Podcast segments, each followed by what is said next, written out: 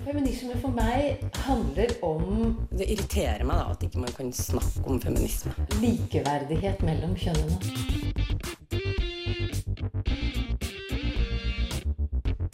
Det blikket på kvinnen på film. handlet det om å bli tatt på alvor som jente.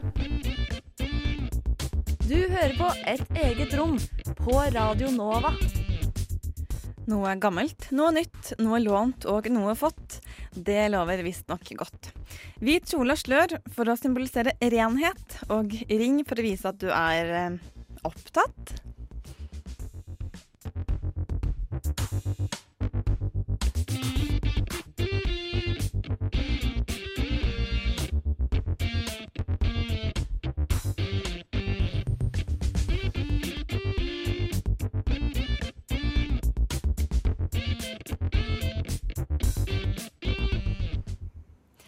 Velkommen til eh, denne mandagsmorgenen og til et eget rom som ja, du forsto det kanskje litt. Eh, Jeg snakker om bryllup denne eh, mandagen, og det er det Linda Therese Rosberg og deg, Lisa Aasve, som skal gjøre. Hallo. Og du står her og gliser og nesten fniser. Ja, det er bare fordi vi har, vi har snakka om denne sendingen så lenge. Hele, hele gjengen, alle i i et eget rom. For det er veldig mye engasjement rundt det her. Å, guri malla. Veldig. Og så er jo generelt sett så er jo på en måte bryllupet en av de på en måte Hva skal man kalle det for?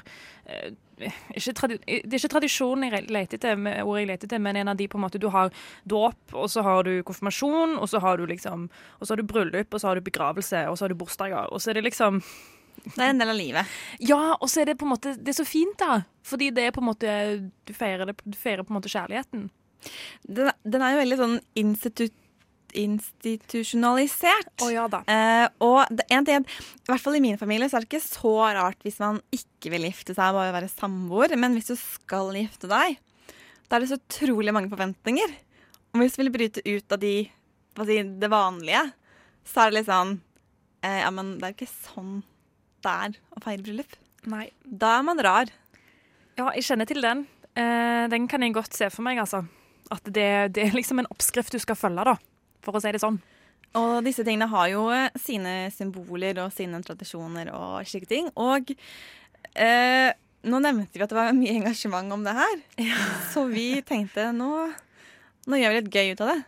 Em, så du skal rett slett få et lite hørespill, hvor du også får noen sånne nøkler eller hint til hva vi skal snakke om den kommende timen.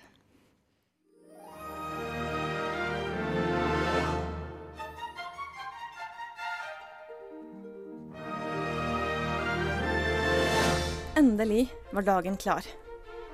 Alt var klart. I over et år hadde Maria, og ja, litt Lars også da, planlagt det perfekte bryllupet. Og i dag var endelig dagen. Maria og Lars skulle endelig gifte seg.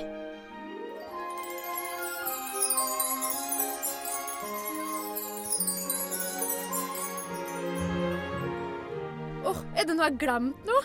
Nei, du ser skikkelig bra ut. Kjolen sitter kjempefint. Ja, de spinningstimene, de vises godt, for å si det sånn. Herregud, håper jeg er så slank og pen som du er den dagen jeg skal gifte meg. Du må ha gått ned minst fem kilo. Maria, du ser kjempefin ut. Som en prinsesse. Bare la meg rette litt på sløret ditt. Lars!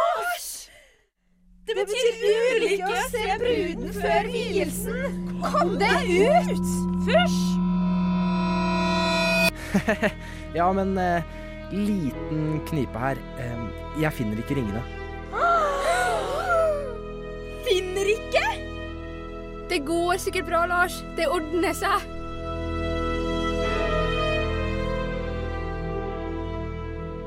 Ikke nok med at brudgommen stormer inn og ser bruden. Altså, hallo, ulykke. I tillegg er ringene på avveie. Hvordan skal dette ende? Det som skal være Marias lykkeligste dag. Like raskt som Lars stormet inn, er han på vei videre. Ingen grunn til panikk. Jeg er forlover, og jeg skal fikse det her.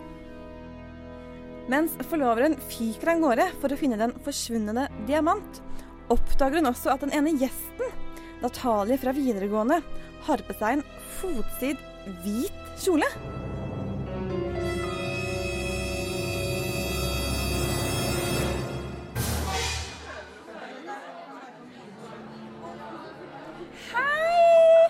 Dette blir så sjukt fint!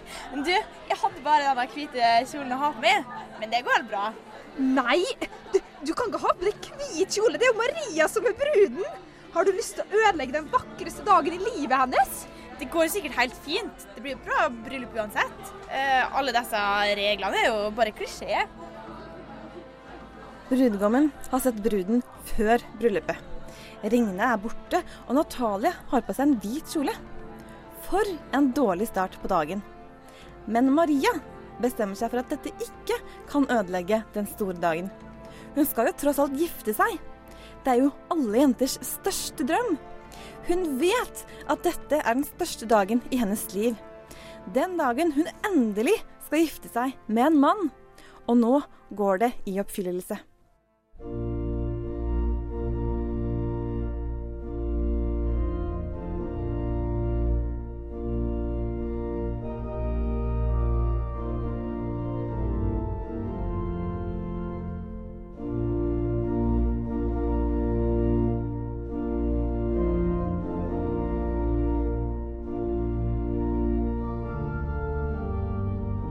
Kjære Maria, fra denne dag så er du ikke lenger mi lille jente.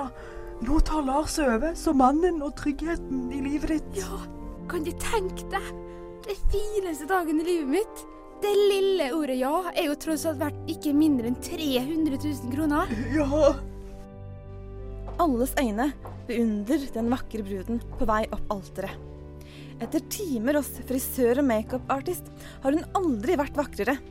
Kjolen er hvit for renhet, selv om alle vet at både brud og brudgom har hoppa i høyet allerede. Og apropos høy. Det er nesten det eneste Maria har spist de siste tre månedene for å få bort grevinnehenget.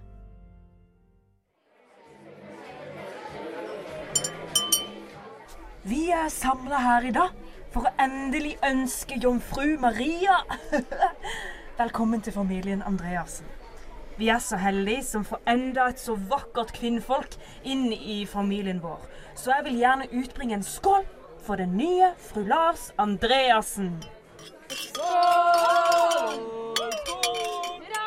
Å, så heldig hun er.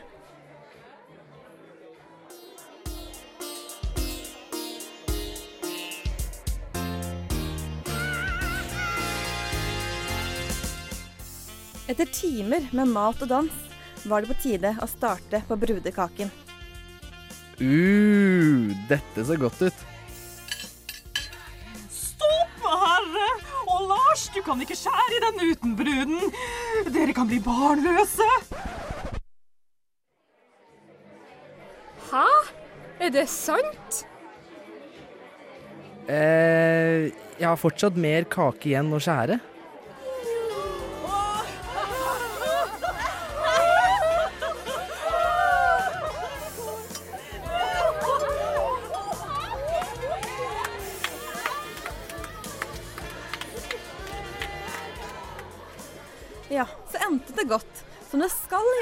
På den første og viktigste dagen i brudeparets liv.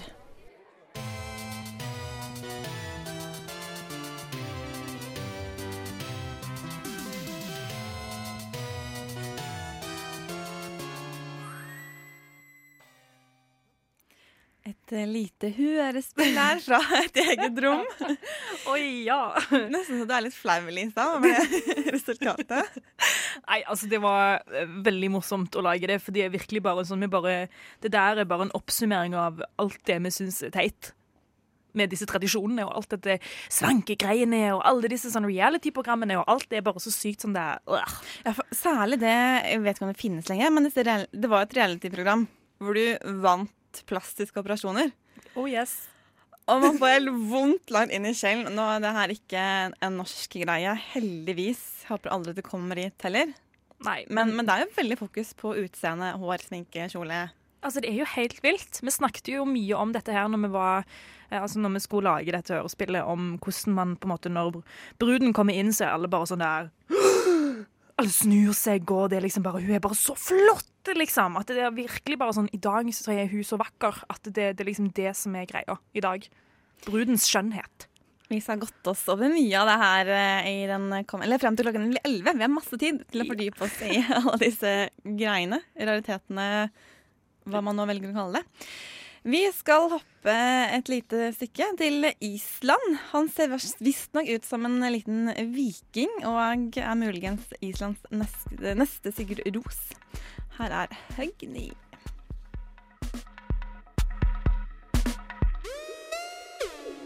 Moon Picture synger Høgni, denne islandske vikingfyren, kanskje. Kanskje litt.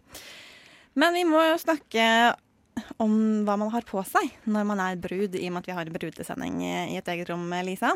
Ja.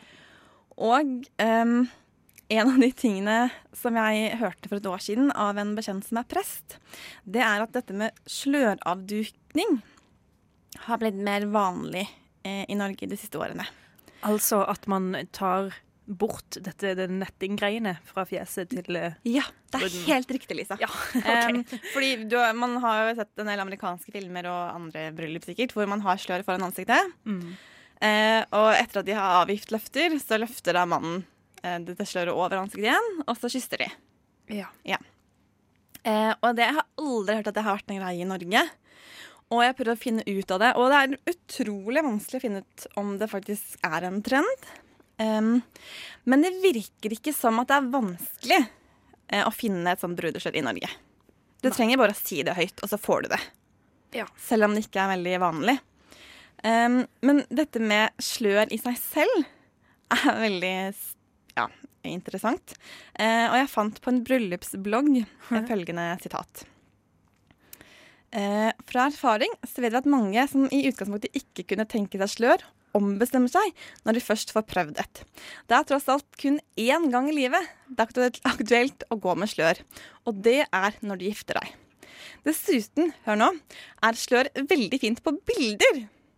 Og du blir plutselig veldig brud når du får på deg et slør. Men hvorfor er det fint på bilder? Du ser jo ikke hvem som er på bildet, for du har jo slør på deg.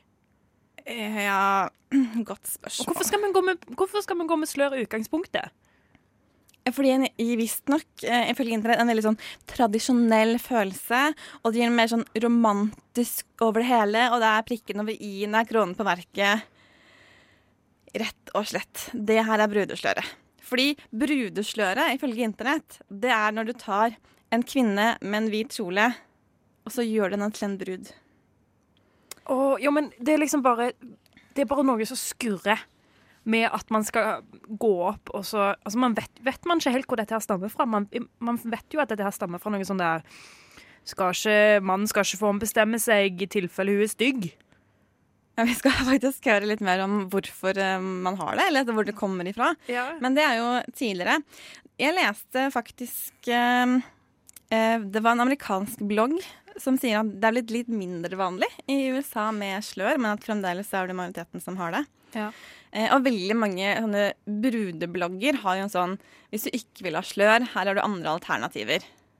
Til å gjøre med håret ditt? Ja, eller? At du har en blomsterkrans eller bare en blomst i håret, eller sånne eller, ja, et eller annet liten bling-bling men som ikke er slør, og ikke nødvendigvis en, et diadem.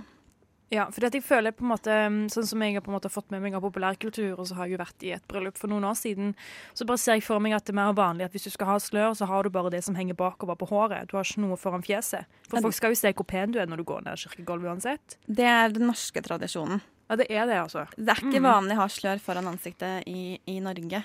Så hvor vanlig Det er ikke vanlig, men, men hvor ofte det skjer, det vet jeg ikke. Jeg har funnet blogger eh, hvor de som skriver tydeligvis har gifta seg, og sagt at eh, de hadde ikke slør foran ansiktet, eller de hadde slør foran ansiktet. Ja. Så det er jo helt åpenbart noen som har det Ja. i Norge, som gifter seg nå for tiden. Og så er det dette med at man har hvit brudekjole. Det kommer visstnok fra fransk mote på 1750-tallet. Og brudemote henger jo sammen med mote generelt. Eh, fordi det her var en tid hvor det var mer vanlig, hvis du hadde penger, eh, med hvitt. Mm. Eh, og så ble det her tatt med til en sånn brudebekledning. Og når det ble mindre vanlig igjen med hvitt, så fortsatte man å ha hvit brudekjole. Fordi det er faktisk den ene gangen i livet. Altså, det er liksom den der, det, det er så spesiell anledning, da. At da Men skal man ta seg råd til Hva mest eh, de rike? Fordi at eh, hvis du ikke var så rik, så var det veldig Det var fint hvis du kunne bruke ting om igjen. Ja. Så veldig mange giftet seg, eh, særlig i Norge, i sort. Fordi da kunne du bruke brudekjolen som penkjole etterpå. Du hadde denne gjenbruksfunksjonen. Fordi hvis brudekjolen som var mitt, ble møkkete, så kunne du ikke bruke den om igjen. Nei, nettopp. Nei. Men det som er eh, Jeg har lest eh, Det var fra i fjor sommer, en eh, artikkel som Aftenposten hadde. Om 15 grunner til å ha en fargerik brudekjole. Hvor de hadde fått folk til å sende inn bilder av seg selv i en da ikke-hvit brudekjole. Kult. Og det var så mange fine folk. Ja. Og det var rødt og hvitt og rosa og lilla og grønt og turkis og blått og gult. Så det er jo noen, da, i Norge som ikke har hvitt på seg. Selv om eh, de intervjuet en som eier en brudesalong, og det var liksom at det er 1% av brudekjolene som de selger, da. Det var i Sandvika, som er rett ved Oslo. Så det er det med sånn ganske Oslo vanlig tall. Mm. Men 1% da velger da å ikke ha en hvit brudekjole. Ja, det er jo egentlig ikke så rart, da, hvis man tenker på alle de filmene man så når man var liten. Med alle prinsessene. Ja. Men du nevnte noe om eh, dette med slør og hvor det kommer fra og sånn. Og Anne Marie hun har sett litt på hvorfor man en gang i tiden begynte å bruke brudeslør.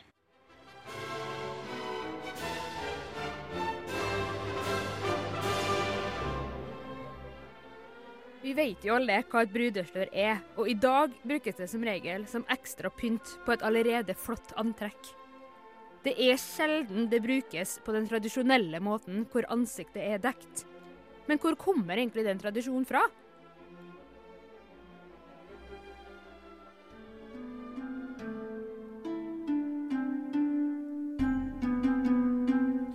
Det er mange teorier om hvordan og hvor brudesløret oppsto.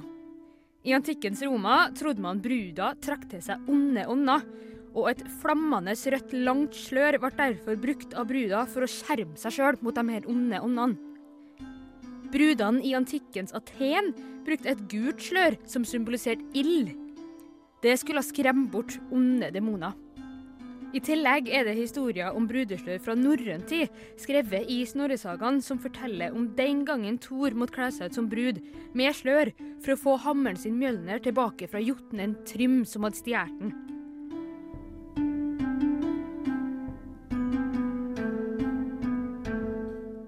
Det er likevel mange som er enige om at tradisjonen hvor bruda dekker til fjeset sitt fram til hun skal kysses av ektemannen sin, kommer fra den tida når arrangert ekteskap var vanligst.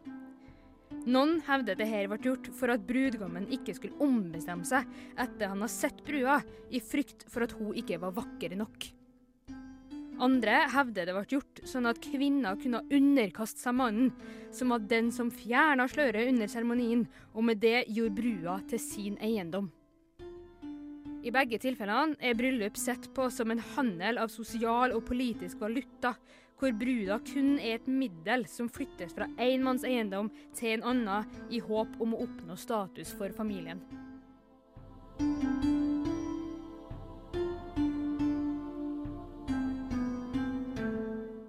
Man snakker om brudeslør og hvor tradisjonen kommer fra, er det òg nødvendig å se på hvilken rolle religion har hatt i skapelsen av disse tradisjonene. Både i kristendommen, i islam og i jødedommen har brudesløret vært sett på som et symbol på brudens jomfrudom og renhet, og håret har vært noe som kvinner skal dekke til.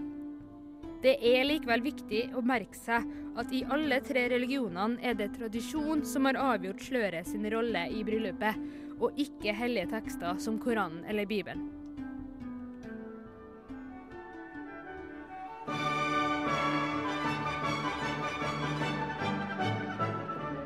Den hvitkledde bruden med langt hvitt slør, som vi assosierer med tradisjonelle bryllup i dag, stammer fra fransk mote på midten av 1700-tallet. Dette betyr at brudesløret har en lengre og mer variert tradisjon enn den klassiske brudekjolen. Sløret har vært et symbol på alt fra demonbekjempelse til jomfrudom til respekt for en guddommelig kraft. I Norge i dag brukes sløret for det meste som tilbehør, og tradisjonen hvor kvinner dekker til fjeset, blir mindre og mindre praktisert verden over.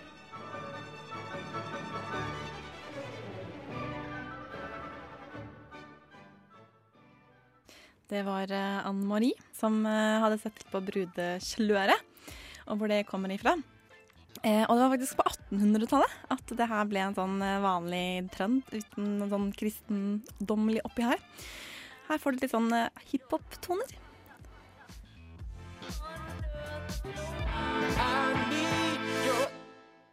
Under the Water hørte det her. I tilfelle du ikke fikk med deg hva låta kanskje het. Du som er sliten og sinna og lei. Nå vil vi synge ei vise til deg om at kvinner kan si fra, protestere og slåss. Bli med hos oss. Du hører på Et eget rom. Likestilling kommer ikke av seg selv. Og det er altså brudetema i dagens Et eget rom med Lisa og Linda. Og Lisa, hvis jeg snakker om brudeoverføring, vet du hva jeg snakker om da? Eh, brudeoverføring, det høres ut som det er et veldig sånn em, fælt, fæle greier, egentlig. Noe økonomisk, i hvert fall. Det er Ja. når far følger bruden opp til alteret. Det kalles på norsk brudeoverføring. Ah, Tror det er en grunn til at man ikke kaller okay. det at bruker det mer oftere, for da blir det litt mindre romantisk at far skal følge bruden opp. Brudeoverføring ja, Det hørtes veldig sånn der eh, teknisk ut. Eller Ja. veldig sånn der Ja. Penger involvert. Men det er liksom det er det man tenker at det er sånn det er å, å gifte seg. Da. Det er sånn opplest og vedtatt at far skal følge bruden opp. Men det er faktisk ganske nytt. Det var noe som etablerte seg i Norge på 1960-tallet. Oh. Og man antar at det startet i byene, og så har det liksom spredd seg utover. Og så var det etablert på 60-tallet, da. Okay, men, Eh, og det her er ikke en del av vigselsliturgien i Den norske kirke. I den nyeste De har jo nettopp revidert den for at den skal passe til både likekjønnede og sam... eh, hva er vigselsliturgi? Altså det som skjer i kirken, da, hvis man gifter seg i kirken. Så er det en sånn orden på at sånn og sånn skal det foregå. Se her skal presten si. Disse mulighetene har man som brudepar underveis. Og en sånn oppskrift på et bryllup Oppskriften på et bryllup, rett og slett. i kirken. I kirken. Ah, ok. Og den ble gjort om når man fant ut at homofile skulle få lov til å gifte seg i kirken. Ja. Eh, og det man har gjort nå, som man egentlig har praktisert lenge, det er at man ønsker at Eller man oppfordrer til at man går i sånn såkalt prosesjon. At kanskje presten går inn først, og så kan kanskje forlovere og familien, og så kommer liksom brud eller brudeparet til slutt, da. Sånn når alle andre har gått opp, for eksempel. At man går inn sammen? Ja, eller, ja, eller hvordan man velger å gjøre det, da. Ja. Eh, men for det er ikke sånn, sånn i kirkens eh, tanke om at eh, far skal følge bruden opp. Det er liksom noe som har falt inn i tradisjonen utenfor kirken, da. Ja. Og mange av argumentene det er jo dette at pappa har betydd så mye for meg. Derfor vil jeg at han skal føre meg opp. Ja. Og da var det en som sa ja, men betyr ikke mammaen din like mye for deg? Nettopp! Ikke sant? Yes! Eh, er Stiller meg bak den. er det en annen prest som har sagt at eh, særlig skilsmissebarn som har vokst opp hos mor, bruker denne muligheten, eller det er hans erfaring, da, til eh, altså, Det er en måte å måte, komme mm, nært til far igjen, da, hvis man har vokst opp hos mor og kanskje ikke har sett far så mye i oppveksten. Ja. Og da kan man kanskje forstå bitte, bitte litt mer. Ja. Um, og så er det noen som har påpekt da, at vi lever i en ny tid, og ting skjer. Så kanskje om noen få år så er det mer vanlig at det er mor eller bror eller søster som følger bruden opp, og kanskje at også brudgommen føres opp av hans familie. Man vet ikke. Ja. Men eh, det har, var en stor debatt i Sverige for noen få år siden, og vi skal høre litt om denne debatten. Og som ni kanskje aner, så er det noe aller spesielt jeg vil formidle. Nemlig at i dag offentliggjøres eklateringen mellom kronprinsessan Victoria og herr Daniel Westling. Mai 2010. Det er blitt kjent at kronprinsesse Victoria, tronfølger i likestillingslandet Sverige, ønsker at faren skal føre henne opp kirkegulvet når hun gifter seg. Avgjørelsen får den svenske kirken til å protestere. Ni prester er så imot kronprinsessens valg at de skriver et personlig brev til henne og ber henne om å revurdere beslutningen. Hvorfor kan hun ikke bare gå opp kirkegulvet sammen med den kommende ektemannen? Til og med to av biskopene som skal vie paret, advarer mot å bryte den svenske tradisjonen der brudeparet går opp til alteret sammen, og mener at avgjørelsen er uheldig. Dette er jo ikke en svensk tradisjon. Og denne här handler i botten om noe helt annet. Det vil si at kvinnens myndighet lämnas over fra fadern til eh, den blivende maken. Och detta är ju en föråldrad och förlegad syn som ju dels inte har genomsyrat vår svenska tradition. I gudstjenesteboken, denne boken som regulerer hvordan gudstjenester og seremonier skal feires, så var det i årene fra 1900 og frem til en revidering i 1986 regulert slik at brud og brudgom skulle gå opp til alterringen sammen. Det har vært viktig for kirken. For før 1900 så fikk ikke kvinner selv lov til å bestemme hvem de skulle gifte seg med, uten at foreldrene godkjente ekteskapet. Who presents this woman in holy matrimony? At brudeparet skulle gå opp kirkegulvet sammen, symboliserte dermed individenes frihet til å velge ektefelle selv, og at paret av den grunn var likestilte i ekteskapet. Marriage.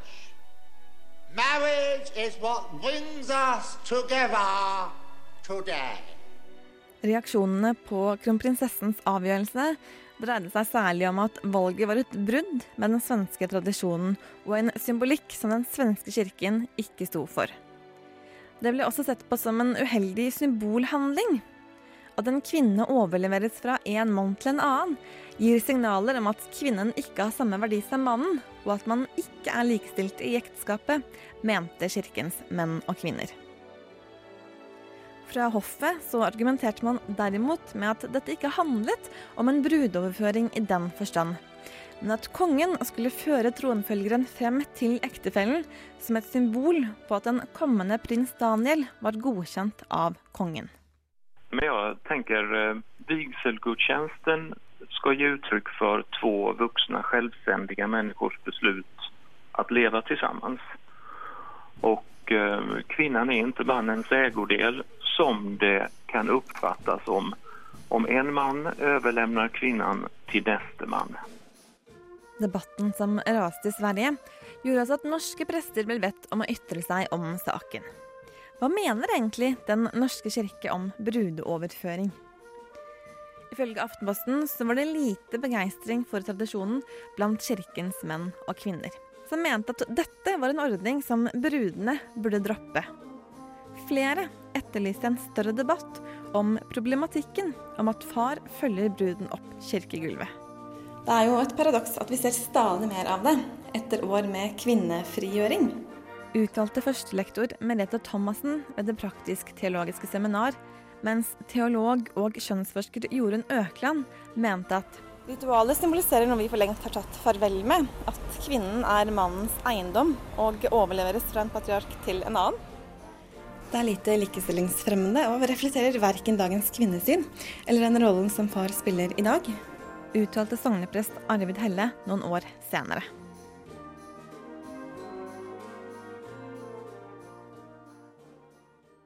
Så lurer du kanskje på hadde det egentlig noe å si at den svenske kronprinsessen ble ført opp kirkegulvet av sin far?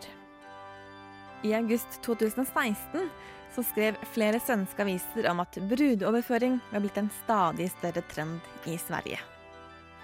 Prester omtalte skikken som nykonservativ og med en tvilsom symbolikk. Flere mente at det er først på 2010-tallet at brudeoverføring er blitt populært.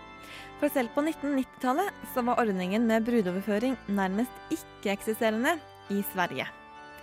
Og det er amerikansk populærkultur og prinsessebryllup som har blitt pekt på som mulige forklaringer på trenden. For ikke bare kronprinsessen valgte å bli ført opp gulvet av sin far, men også hennes søster prinsesse Madeleine og hennes svigerinne prinsesse Sofia valgte den samme ordningen i sine bryllup. Der fikk du litt om brudeoverføring, mest eh, med et blikk til Sverige, med klipp fra Annika Borg og Fredrik Modeus, som altså er svenske prester. Men nå skal vi bytte litt eh, fokus, Lisa. Ja, nå skal vi skifte tema. Ja. det er veldig mye Utrolig mye greier som, som, som har med bryllup å gjøre. Det er jo ikke bare disse eh, Altså det som skjer på en måte i selve bryllupet og på bryllupsfesten. Du har òg det som skjer igjen i etterkant. F.eks. navneendring. Og det er jo noen av de tingene som iallfall jeg har diskutert veldig mye med mine venner. For det er en sånn typisk veldig klar sånn likestillingssak. Gjerne. Ofte. I hvert fall blant de som tenker litt på det. Absolutt. Det er akkurat det. Men uh, litt sånn gjennom historien så har det på en måte vært litt sånn fram og tilbake. Uh, hos, hva som har vært vanlig, og hva som ikke minst har vært lov. Men det ble um, Det ble ikke vanlig med felles, felles etternavn før på 1800-tallet, faktisk. Og i 1923 så ble personnavnloven innført. Så da ble det på en måte påbudt ved loven da, at man måtte ha et fornavn og et etternavn.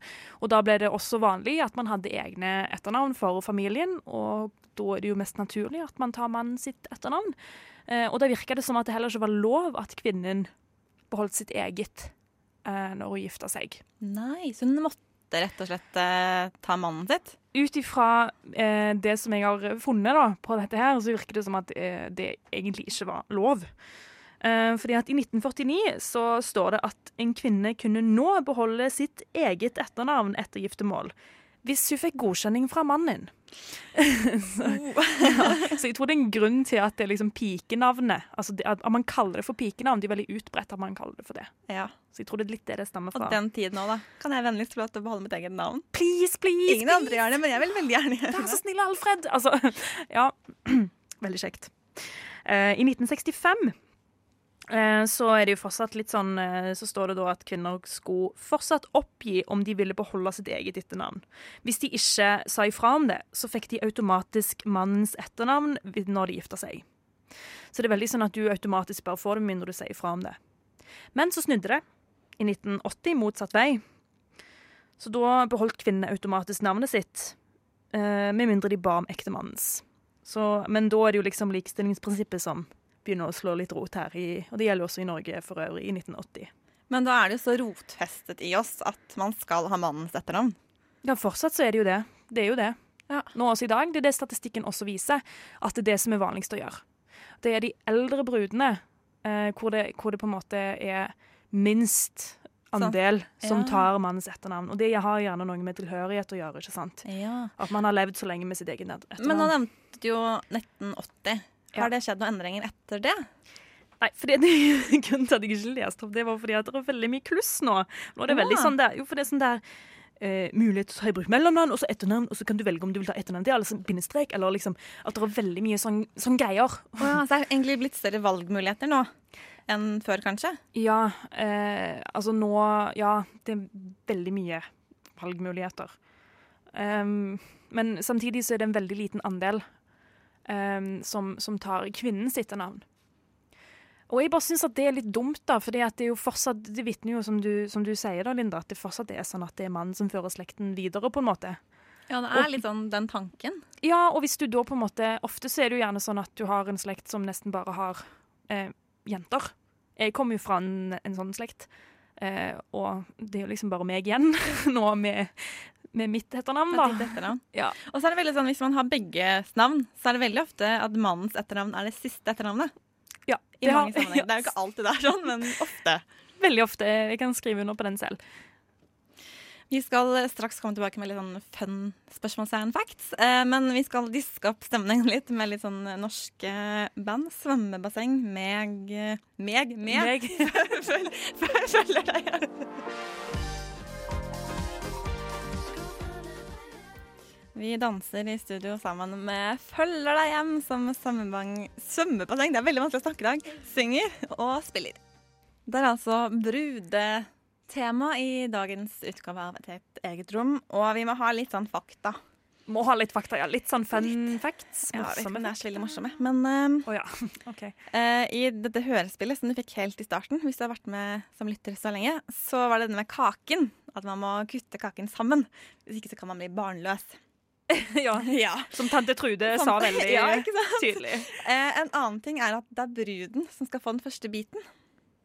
Fordi okay. at hun skulle eh, teste eller kontrollere om det var gift i kaken. Å ja! Før brude... Ok, Ok, før, før han kom, han, den viktige, det faktiske mennesket. Ja. Mm. Mannen. Som hun nå var en del av hans eiendom eh, en gang i tiden. Ja, ikke sant? Litt som en slave, på en måte. Litt sånn. Så det er jo heldigvis ikke slik det er i dag. Ja, men jeg tror det er litt derfor iallfall jeg kvier meg litt for å gjøre alle disse tradisjonene. Fordi de stammer fra tider hvor det var derfor man gjorde ting. Ja. Fordi det var sånn åpenbart patriarkalske greier. Og det er veldig eh, fascinerende, for når man leser rundt på blogger og folk som holder på med sånn brudeting og sånn, så er det litt sånn Men det er ikke sånn i dag, så du trenger ikke å tenke på tradisjoner og hvor, eller opphavet til ting. Ja, Og så er det, liksom, ja, men det er jo en grunn til at det er et opphav til noe, at det har blitt en tradisjon. Kan du Ja. ikke bare glemme det og sette strek over det? Nei, man kan ikke det. Og så er det dette med morgengave, som var litt veldig vanlig i dag. Å, hva det er? Men, men det var jo at bruden, det, er- når vi snakker om Norge, skulle få en morgengave som veldig ofte var en pengesum for å sikre at i tilfelle hun ble enke og barnløs, så skulle hun ha penger, altså midler da, til å forsørge seg selv. Men på selve brudedagen, er det da man får det? Eller? Nei, det er dagen etter Ja, man er blitt gift. Ja, Ja, så ok. Den første dagen som når du våkner som gift eh, kone. Aha. Eh, fordi hun hadde ikke juridisk rett til å arve mannen i Norge før. Til å arve mannen? Eh, arve. Så når han døde, så fikk ikke eh, hustruen hans eh, midler i arv. Det var det jo sønnen som fikk. Nettopp, nettopp. Derfor fikk hun en morgengave. Og nå er jo det bare en sånn materiell ting som ofte. Du får en ting fordi det er en tradisjon med en morgengave. Ja. Men det var også sånn at man ikke hadde bare morgengave, men at du fikk også gaver eh, da forloveden, eller forlovelsen ble godkjent. Så, som da var en inngåelse mellom to familier. Da fikk man også en gave. Og så var det en tradisjon, og utpå 1800-tallet så ble det mer sånn morsom greie. At brudgommen reiste til bruden for å på en måte overbevise henne om at det her, var, eh, det her ville bli bra ekteskap, ved å gi henne en gave. ja, litt, og da ble det litt sånn tull og tøy som kunne ha litt sånn musikk og ting. Eh, men opprinnelig så var det sånn eh, ved at hun ikke skulle stikke av, da. For at hun hadde ikke vært med på det her i det hele tatt. Det var familien som hadde bestemt hvem hun skulle gifte seg med. Ja. Ja. Og så leste jeg et oppslag hos ABC Nyheter som var litt sånn Hvorfor er man så uromantiske i Norge? Fordi vi har jo veldig ofte gif- gifteringen på høyre hånd, og ikke på venstre. Som nesten alle andre land har. De har ringen, ringen på venstre hånd. Og det, ja. Fordi at uh, det er noe med at venstre hånd det er kjærlighetsvenen da, til vena amoris, som går direkte fra fingertuppen til hjertet. Så det er en måte kjærlighetshånden. Oh, ja. Mens høyre hånd, det er den man avgir troskapsløfte med. ikke sant? Når Man har sagt ja til hverandre, så sier presten så gi hverandre hånd på det. Ok. Så gir man hverandre et håndtrykk som et symbol på at man, nå er man gift. på en måte. Derfor har man det tradisjonelt i Norge på høyre hånd. Og jeg syns at jeg vil heller ha den på høyre hånd hvis det er symbolikken, enn venstre hånd. Men det er bare meg. Ja. At det er litt sånn, Jeg har gitt deg et løfte med høyre hånd, og da kan jeg ha ringen på høyre hånd. Ja, ja, den er jeg litt enig i, men altså, er det sånn, har det så mye å si, da? Nei, Og du kan velge helt selv hvilken hånd du vil ha gifteringen på, også i Norge. Ja, hva hvis man skriver med, med Ja, ja. Blæ. Vil du ha den på venstre fordi du er venstrehendt? Nei, Nei. jeg tenkte heller omvendt. At det var litt så vondt å skrive med Jeg har aldri hatt en giftering, så det kan jeg ikke svare på. Ikke. Vi skal ha en liten avstikker til litt sånn eh, punk eh, ungdomsskolen, Elisa. Det er du som har valgt ut eh, neste låt.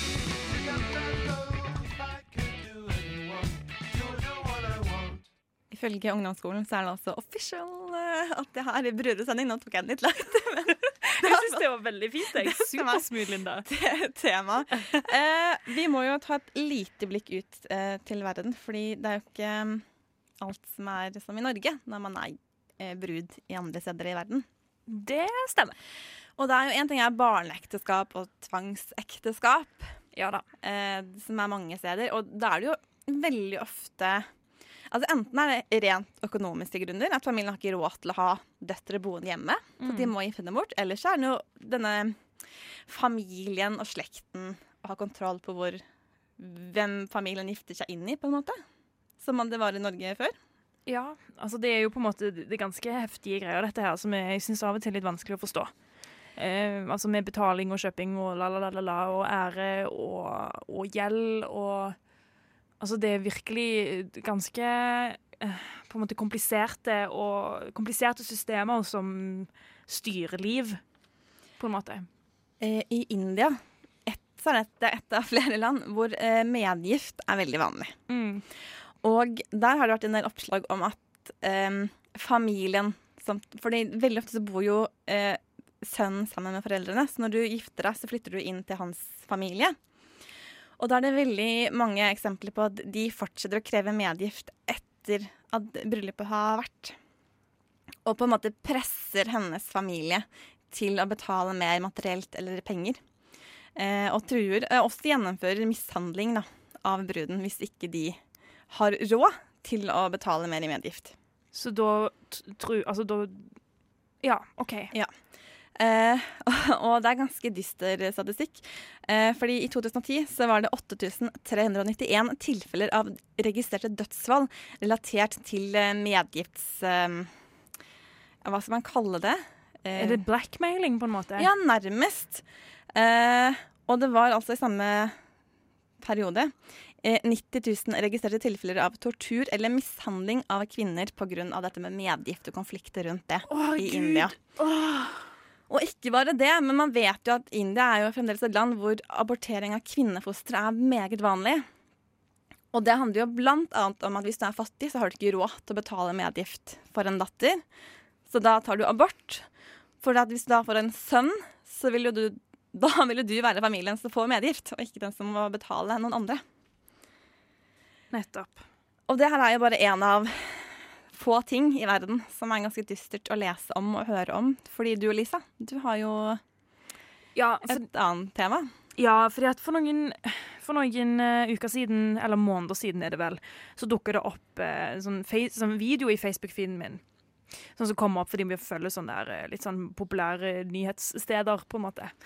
Eh, og da var det en video hvor, uh, som viste sånn dårlig kvalitet på den videoen, men det viste i alle fall en, en, eh, en gjeng med, med unge menn som uh, løp ut av en bil og inn i på en måte inngangen til en skolegård, hvor de tok ei jente som åpenbart ikke hadde lyst til å være med dem, og løfta henne opp og båret henne inn i en bil, og så kjørte de bort med henne. Og så viste det seg at denne videoen handla om noe som heter bruderov.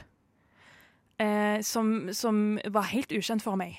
Ante ikke at dette var liksom et fenomen som eksisterte.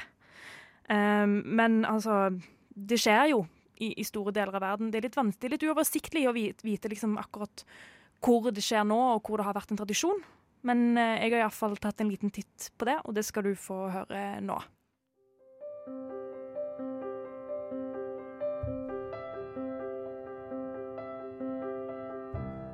I vår kultur og vår populærkultur ligger det masse historier som forteller oss at bryllupsdagen skal være en vakker dag. Hvor familien man er så glad i, vitner at man frivillig inngår et ekteskap med en person man elsker. Du skjønner kanskje hvor jeg vil hen nå. At realiteten overhodet ikke er sånn over hele verden. Bruderov høres kanskje ut som en vits eller en ufarlig slash litt harry tradisjon fra bygda, men et kjapt søk på YouTube etter 'bride kidnapping' viser en helt annen virkelighet. Det å kidnappe kommende bruder er en tradisjon som har lange røtter over hele verden.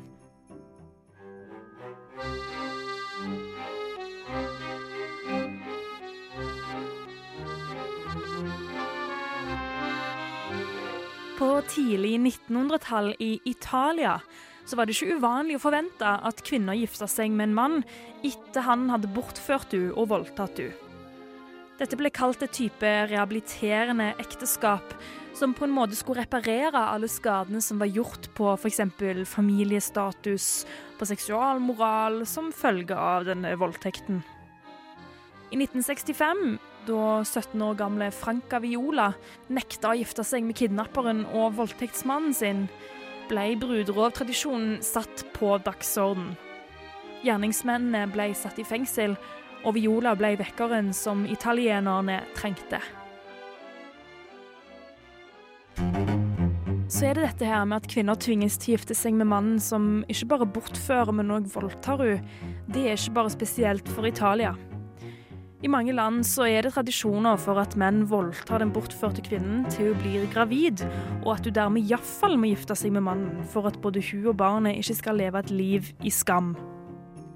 Ofte så er dette òg snakk om tenåringsjenter ned til 13-14 år.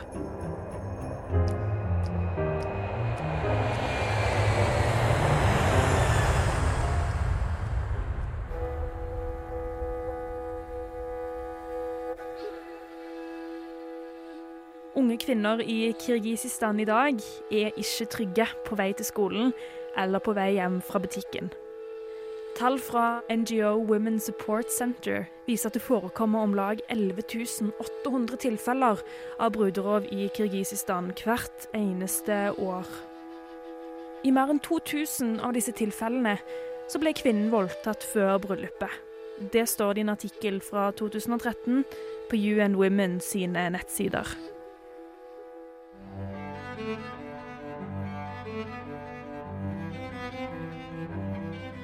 Bruderov er ulovlig i Kirgisistan, og parlamentet vedtok i 2012 en økning av straffene for de som bortfører kvinner for å gjøre de til sine egne bruder. Samtidig så viser også statistikken at kun én av 1500 saker ender med juridisk dom av kidnapperen hvert år. Det kan derfor virke håpløst når man får inntrykk av at det er få mennesker med reell makt i landet som ønsker å gjøre noe med dette her. Men det man kan håpe på, er at det kommer en kirgisisk Franka Viola som vil sette dagsordenen og få trenden til å snu.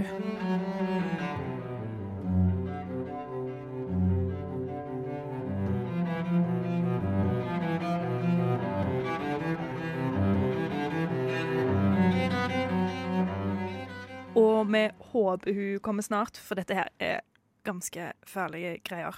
Men altså, det er litt på bedringens vei nå, så, altså, så vidt det er. Men, men det er det, altså, det er mange som syns det er vanskelig å vite om det her er tradisjon eller om det er kriminalitet, fordi siden det er ulovlig. Også sånn. Ja, så. Sånn er det noen ganger. Ja, det er men- mange rare skiller Absolutt. mellom det. Vi må dessverre bi oss mot slutten. Og det er så mange ting jeg ikke har fått sagt, så jeg stemmer allerede for nå, her og nå, at vi må ha en brudesending nummer to. Ja. For å ta igjen alt det tapte.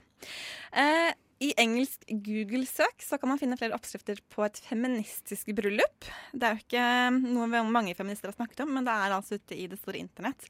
Jeg så en liste, og den bærer jo veldig preg av at det er en amerikansk kontekst.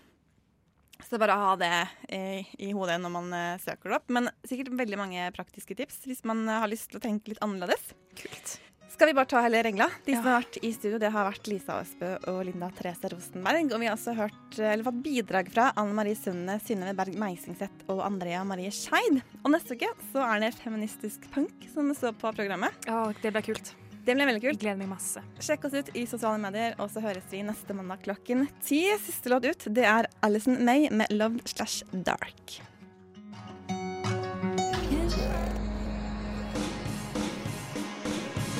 Du har hørt en podkast fra Radio Nova. Likte du det du hørte? Du finner flere podkaster i iTunes og på våre hjemmesider radionova.no.